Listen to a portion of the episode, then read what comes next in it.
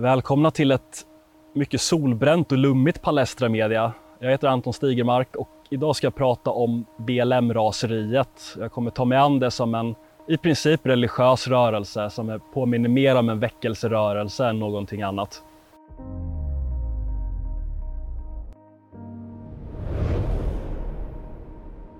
För ungefär ett år sedan, i april förra året, så fick jag anledning att kommentera någonting som jag kallade för den gröna väckelserörelsen.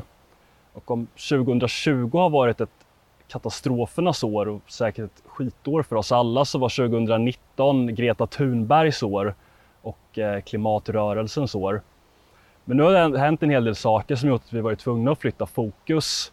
Och det som jag vill prata om idag är ett liknande tema som slår an på samma sträng men det heter, jag kallar det för den svarta väckelserörelsen istället. Det är så här att för några veckor sedan så var det en svart man i USA, eh, en mångkriminell person, George Floyd, eh, som greps av polis på vad jag kan tycka var ett onödigt hårdhänt sätt. Men det slutade i alla fall med att han avled. Inte bara som en följd av ingripandet utan han hade intagit stora mängder, stora mängder narkotika precis innan.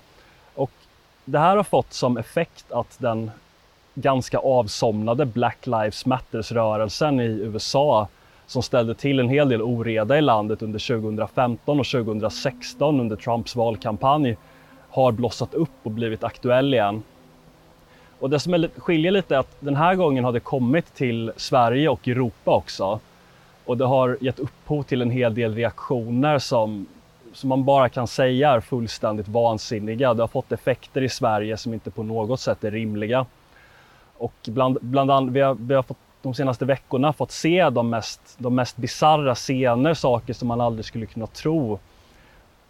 Vi har ju alla genomlevt eh, covid-19-livet det senaste halvåret med isolation och propåer uppifrån om att så fort man går ut på stan så innebär det risk för mormor och farmor. Men strax efter att det här hade hänt så såg vi hur tusentals människor samlades på Sergels torg för att demonstrera mot rasism och för att, att svarta liv räknas helt, helt utan, ja, det hade avbrutit pandemin helt enkelt uppenbarligen.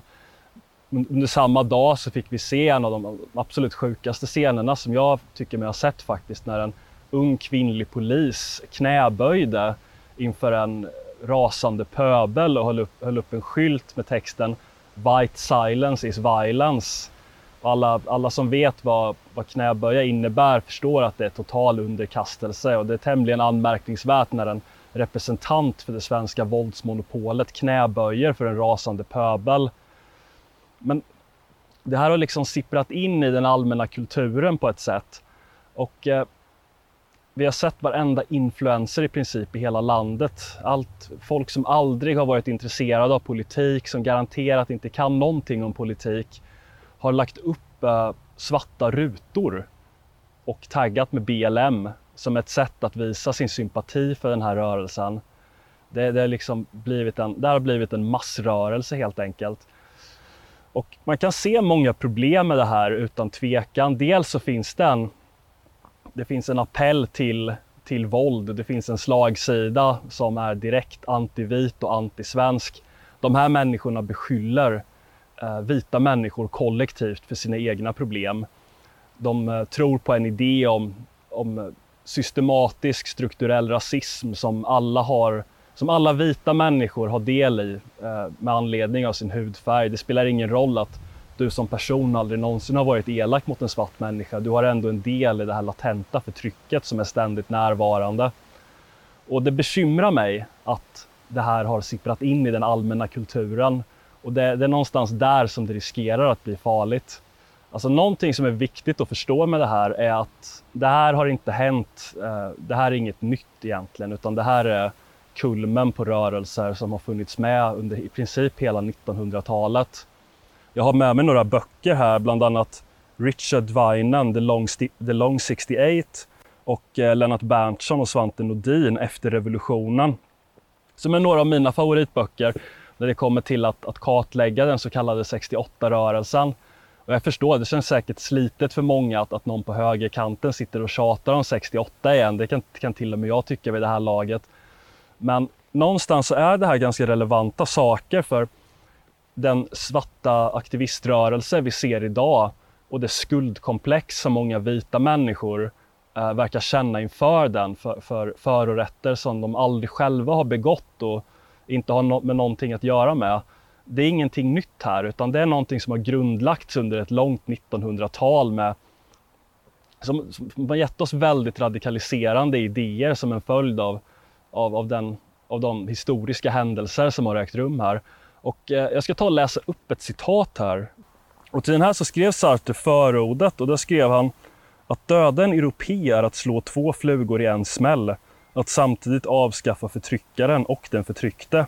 Kvar blir en död och en fri man. Men det som är viktigt att komma ihåg här är att de här attityderna, de här postkoloniala attityderna, de blev en del av de stora sociala rörelser som föddes under efterkrigstiden tillsammans med, med krav på offentligt ägande och egendomsgemenskap och, och en massa andra saker som man associerar med socialism och kommunism. Men en sak som bidrog till att, att radikalisera den här ungdomsgenerationen, då, den här tidiga boomergenerationen, det var just de saker som ägde rum i världen. Det var inte bara böcker och pamfletter utan det handlade mycket om att folk reagerade på de kvardröjande rester av kolonialism som fortfarande fanns kvar. Eh, på de eh, orättvisor som fanns institutionaliserade i samhällen. Man kan tala om apartheid i Sydafrika exempelvis. um, segregationen i USA, amerikanska krig mot Vietnam och så vidare. Det bidrog till, till den här radikaliseringen, till att de här frågorna sattes på dagordningen. Och på något sätt så är det det här som lever vidare. Men det finns också några ganska viktiga skillnader att de här tidiga rörelserna som, som det finns väldigt mycket att säga om, de hade åtminstone vad man kan tycka är någon sanning. För eh, förtrycket i Sydafrika eller eh, segregationen i USA, den fanns där. Den var institutionell. Den är empiriskt bevisbar. Att komma med, ett utsaga om, med en utsaga om den, det är ett meningsfullt påstående eftersom det fanns där. För egen del så kan jag tycka att om man har en nation så ska man inte ha den typen av uppdelning i ett samhälle där, där vissa är, är, är värda så mycket mer än andra och där lagen inte gäller lika för alla. Det, det finns en orimlighet i det, så jag säger ingenting om just den biten.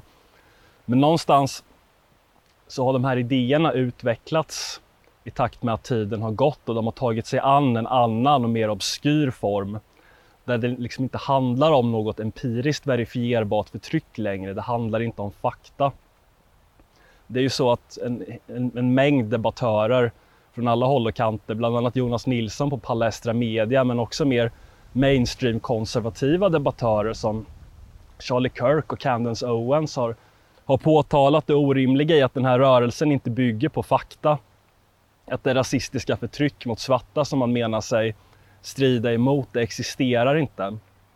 Tvärtom är det så att även om det var ett mycket dåligt ingripande av den här, de här poliserna som man kan ha många synpunkter på, så är det inte representativt. Det, det, det finns inte att, eh, att svarta behandlas exakt så dåligt som det här vill göra gällande utan det, det är nonsens. Och det blir ännu mer bisarrt när de här sakerna sprider sig till Sverige. För här vill man på någonstans göra gällande att Sverige också har en del i den koloniala historien. När så inte på något sätt är fallet. Sverige var inte en ledande kolonialmakt i någon bemärkelse. Och det blir dessutom löjligt och på gränsen till förolämpande när människor av icke-svensk härkomst som befinner sig i Sverige just nu på något sätt menar att de kan jämföra sig själva eh, med de som är ättlingar till de slavar som kom till USA. Alltså det är så här att de människor som är i Sverige just nu som inte har svensk bakgrund, de kom hit antingen som någon form av flyktingar, som ekonomiska migranter eller som anhöriginvandrare de sökte någonting i Sverige som de tyckte att, att vi kunde erbjuda här som de inte hade i sina hemländer. De kom hit med en frivillighet och drivna av egenintresse. Det, det är ett groteskt påstående att de på något sätt skulle kunna jämföra sig själva med, med ättlingarna till, till riktiga slavar. Grejen med den här rörelsen är att det är inte i första hand en social rörelse, för i så fall så skulle det vara knutet till någon form av äkta av äkta social kraft som finns där ute. Det skulle finnas någon typ av empiriskt verifierbart, meningsfullt problem att diskutera. Men grejen med den här rörelsen är att den drivs av tro mer än någonting annat. Och det, det är ju inget nytt, det är ju någonting som konservativa har pratat om väldigt, väldigt länge. Att politiska och ideologiska rörelser har en tendens att ofta ta sig an en väldigt sekulär form. Man kan tala om marxismen och kommunismen som bedrev ett oerhört förtryck mot religiösa institutioner och människor i samhällena de, de kontrollerade. De sköt folk för att de hade en religionstillhörighet. Men samtidigt så var de själva i allra högsta grad religiösa rörelser som inte direkt drevs som någon vetenskaplig övertygelse utan snarare ett religiöst nit. Och någonting som ingår i många religiösa berättelser det är ju det är såklart förståelsen av, av syndaren eller syndafallet. Det handlar om, om skuldkomplex, om vem som gjort sig skyldig till, till vad. Och något av det, de mer bisarra inslagen är just den här, uh, det här utpekandet av vita människor som någon form av kollektiva syndare. För att vi då ska ha byggt upp det här, uh, den här strukturella rasismen som håller alla icke-vita i, i sitt grepp. Även om, även om det inte på något sätt är empiriskt verifierbart så finns det ändå mer eller mindre lösa, löst sammanfatta spekulativa teoribildningar som försöker ge argument åt det här. Men det som blir så nästan perverst, det handlar om att man tillskriver vita människor en sån oerhörd skuld i kraft av sin vithet. Och det som är verkligt oroväckande är såklart att väldigt många vita människor har gått på det här och faktiskt underkastat sig de här orimliga anspråken. Vi såg det i Stockholm när den här poliskvinnan knäböjde inför en rasande pöbel. Vi har sett scener från USA, från England, när vita människor, vissa som har uniform på sig, knäböjer inför rasande svarta pöblar som något sätt att, att söka syndernas förlåtelse. Och det här går inte att kalla för någonting annat än ett flagellantbeteende. Flagellanterna var den, den sekt, utbrytargrupp av eh, av fanatiker som gick och piskade sig själva på ryggarna för att, som ett försök att, att blidka Gud och komma undan den här kosmiska skulden som de på något sätt hade pådragit sig. Det är inget nytt det här, men det, det blir extra illa när det, här, för det här, när det inte handlar om små sekter längre, utan när det handlar om, om stora sociala rörelser som involverar massvis med människor. Och särskilt när det sipprar in i den allmänna kulturen att, som jag nämnde innan, det finns de här fitnessinfluencers och kändisar och, och gud vet allt som tillhör den, den inflytelserika och uppmärksammade men, men tyvärr väldigt korkade och ovetande och svenska och, västerländska offentligheten ta sig an de här idéerna och sprida det som ett sätt att värdesignalera. Men om det finns en syndare så finns det också eh, någon form av frälsare i det här. Och frälsargestalterna i detta blir ju någonstans eh, de svarta som grupp som, som står upphöjda utom all skuld och som i princip kan göra vad de vill och komma undan med vilka anklagelser de vill. Och det, det skär även in i de här gamla kristna idéerna om arvsynd. Att eh, vi har ett kolonialt förflutet. Det, det är ingenting som vi själva på något sätt har någonting att göra med. Men vi ska ändå känna skuld för det. Och har man väl lyckats övertyga människor om de här sakerna, då ligger det väldigt nära till hands att få dem att gå med även på politiska krav. Och det som blir nästa steg i det här, det blir ju inte att, att kräva lika rättigheter eller ställa krav på att avskaffa slaveri eller något sånt där. För, för några sådana institutioner finns inte i vårt samhälle utan vi, vi har en lag som gäller lika för alla. Utan det, det som krävs liknar mer attacker på det svenska samhället. Det handlar om, som nu det senaste, att föregivet förtryckande historiska personligheter ur vår historia eh, ska tas bort som statyer.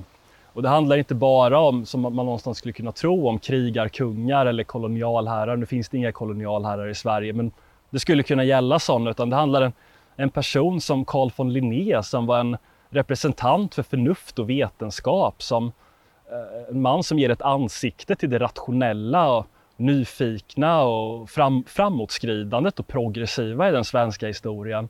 En sån person ska tas bort. Eller i England till exempel så har man ställt krav på att Winston Churchill, statyn av honom i London, ska tas bort. Mannen som, som mer än någon annan är förknippad med just motstånd mot fascism och nationalsocialism. Och vad det här säger är att det, det, finns liksom inget riktigt sätt att undkomma det här. Att det här är inte på något sätt en rationell rörelse. De politiska kraven som de kommer med är inte förankrade i verkligheten.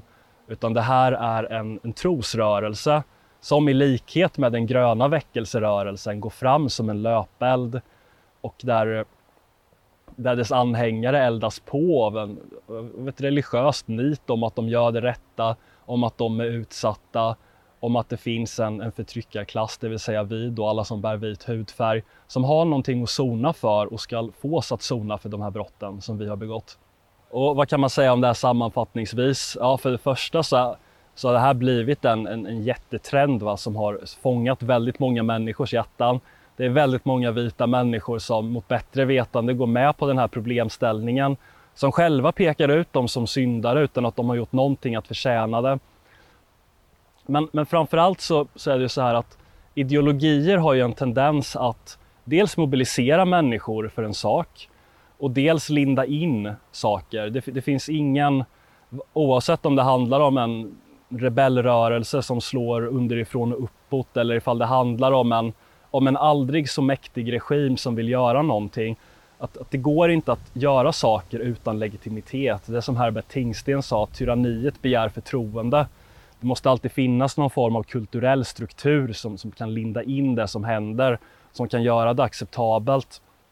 Och det som händer nu är att de här människorna beter sig helt orimligt.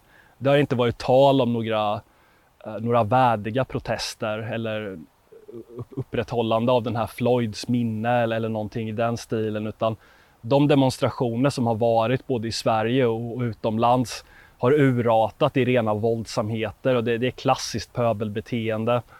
Och därtill så finns det en intelligentia av lite mer slipade personer som, som ger det här sitt oreserverade stöd. Men inget av det här hade gått att komma undan med, utan folk hade sett det för vad det var, det vill säga en rasande pöbel som gör det som rasande pöblar alltid gör. Det vill säga förstör och, och krossar allting i sin väg utan något konstruktivt syfte överhuvudtaget.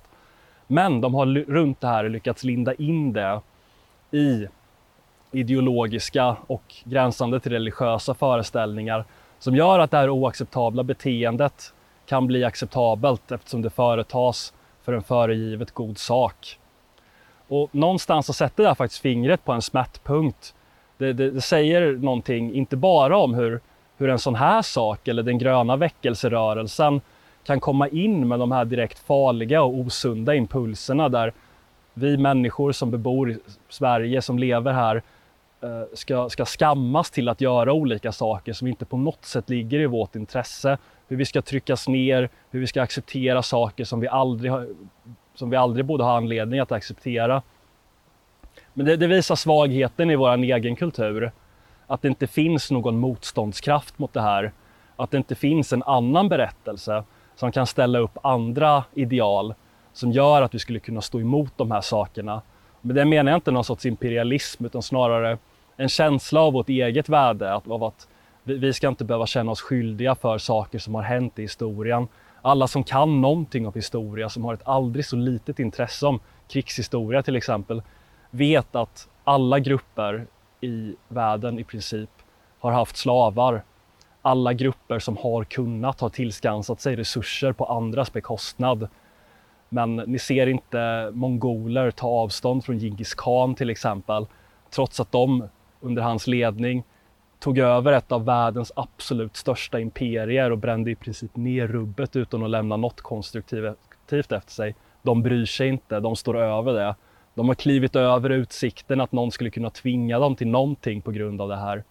Men vi svenskar som inte har gjort någonting liknande, som aldrig har haft något riktigt imperium, som aldrig riktigt har deltagit i kolonialismen, vi ska på något sätt tvingas till eftergifter för det här.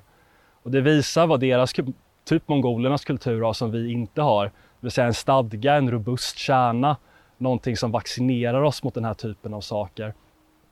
Och det visar så tydligt varför man måste ha det, för att annars blir man utnyttjad.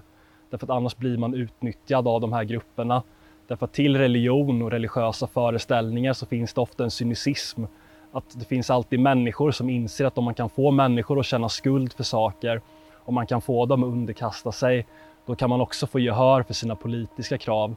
Och de politiska kraven som ställs i det här avseendet, det kommer bara missgynna oss. Det kommer innebära katastrof för det här landet, för hela västvärlden, om de här människorna får diktera sina villkor på vår bekostnad. Så därför är mitt budskap, för att avsluta den här lilla monologen, att vi har absolut ingenting att skämmas för. Och om det är någon som försöker få er att skämmas för någonting för att få igenom sina egna anspråk, ge dem bara fingret. Ja, jag vill tacka så mycket för att ni har lyssnat på den här monologen. Glöm inte att prenumerera på kanalen. Vi uppskattar verkligen det. Så ses vi nästa gång.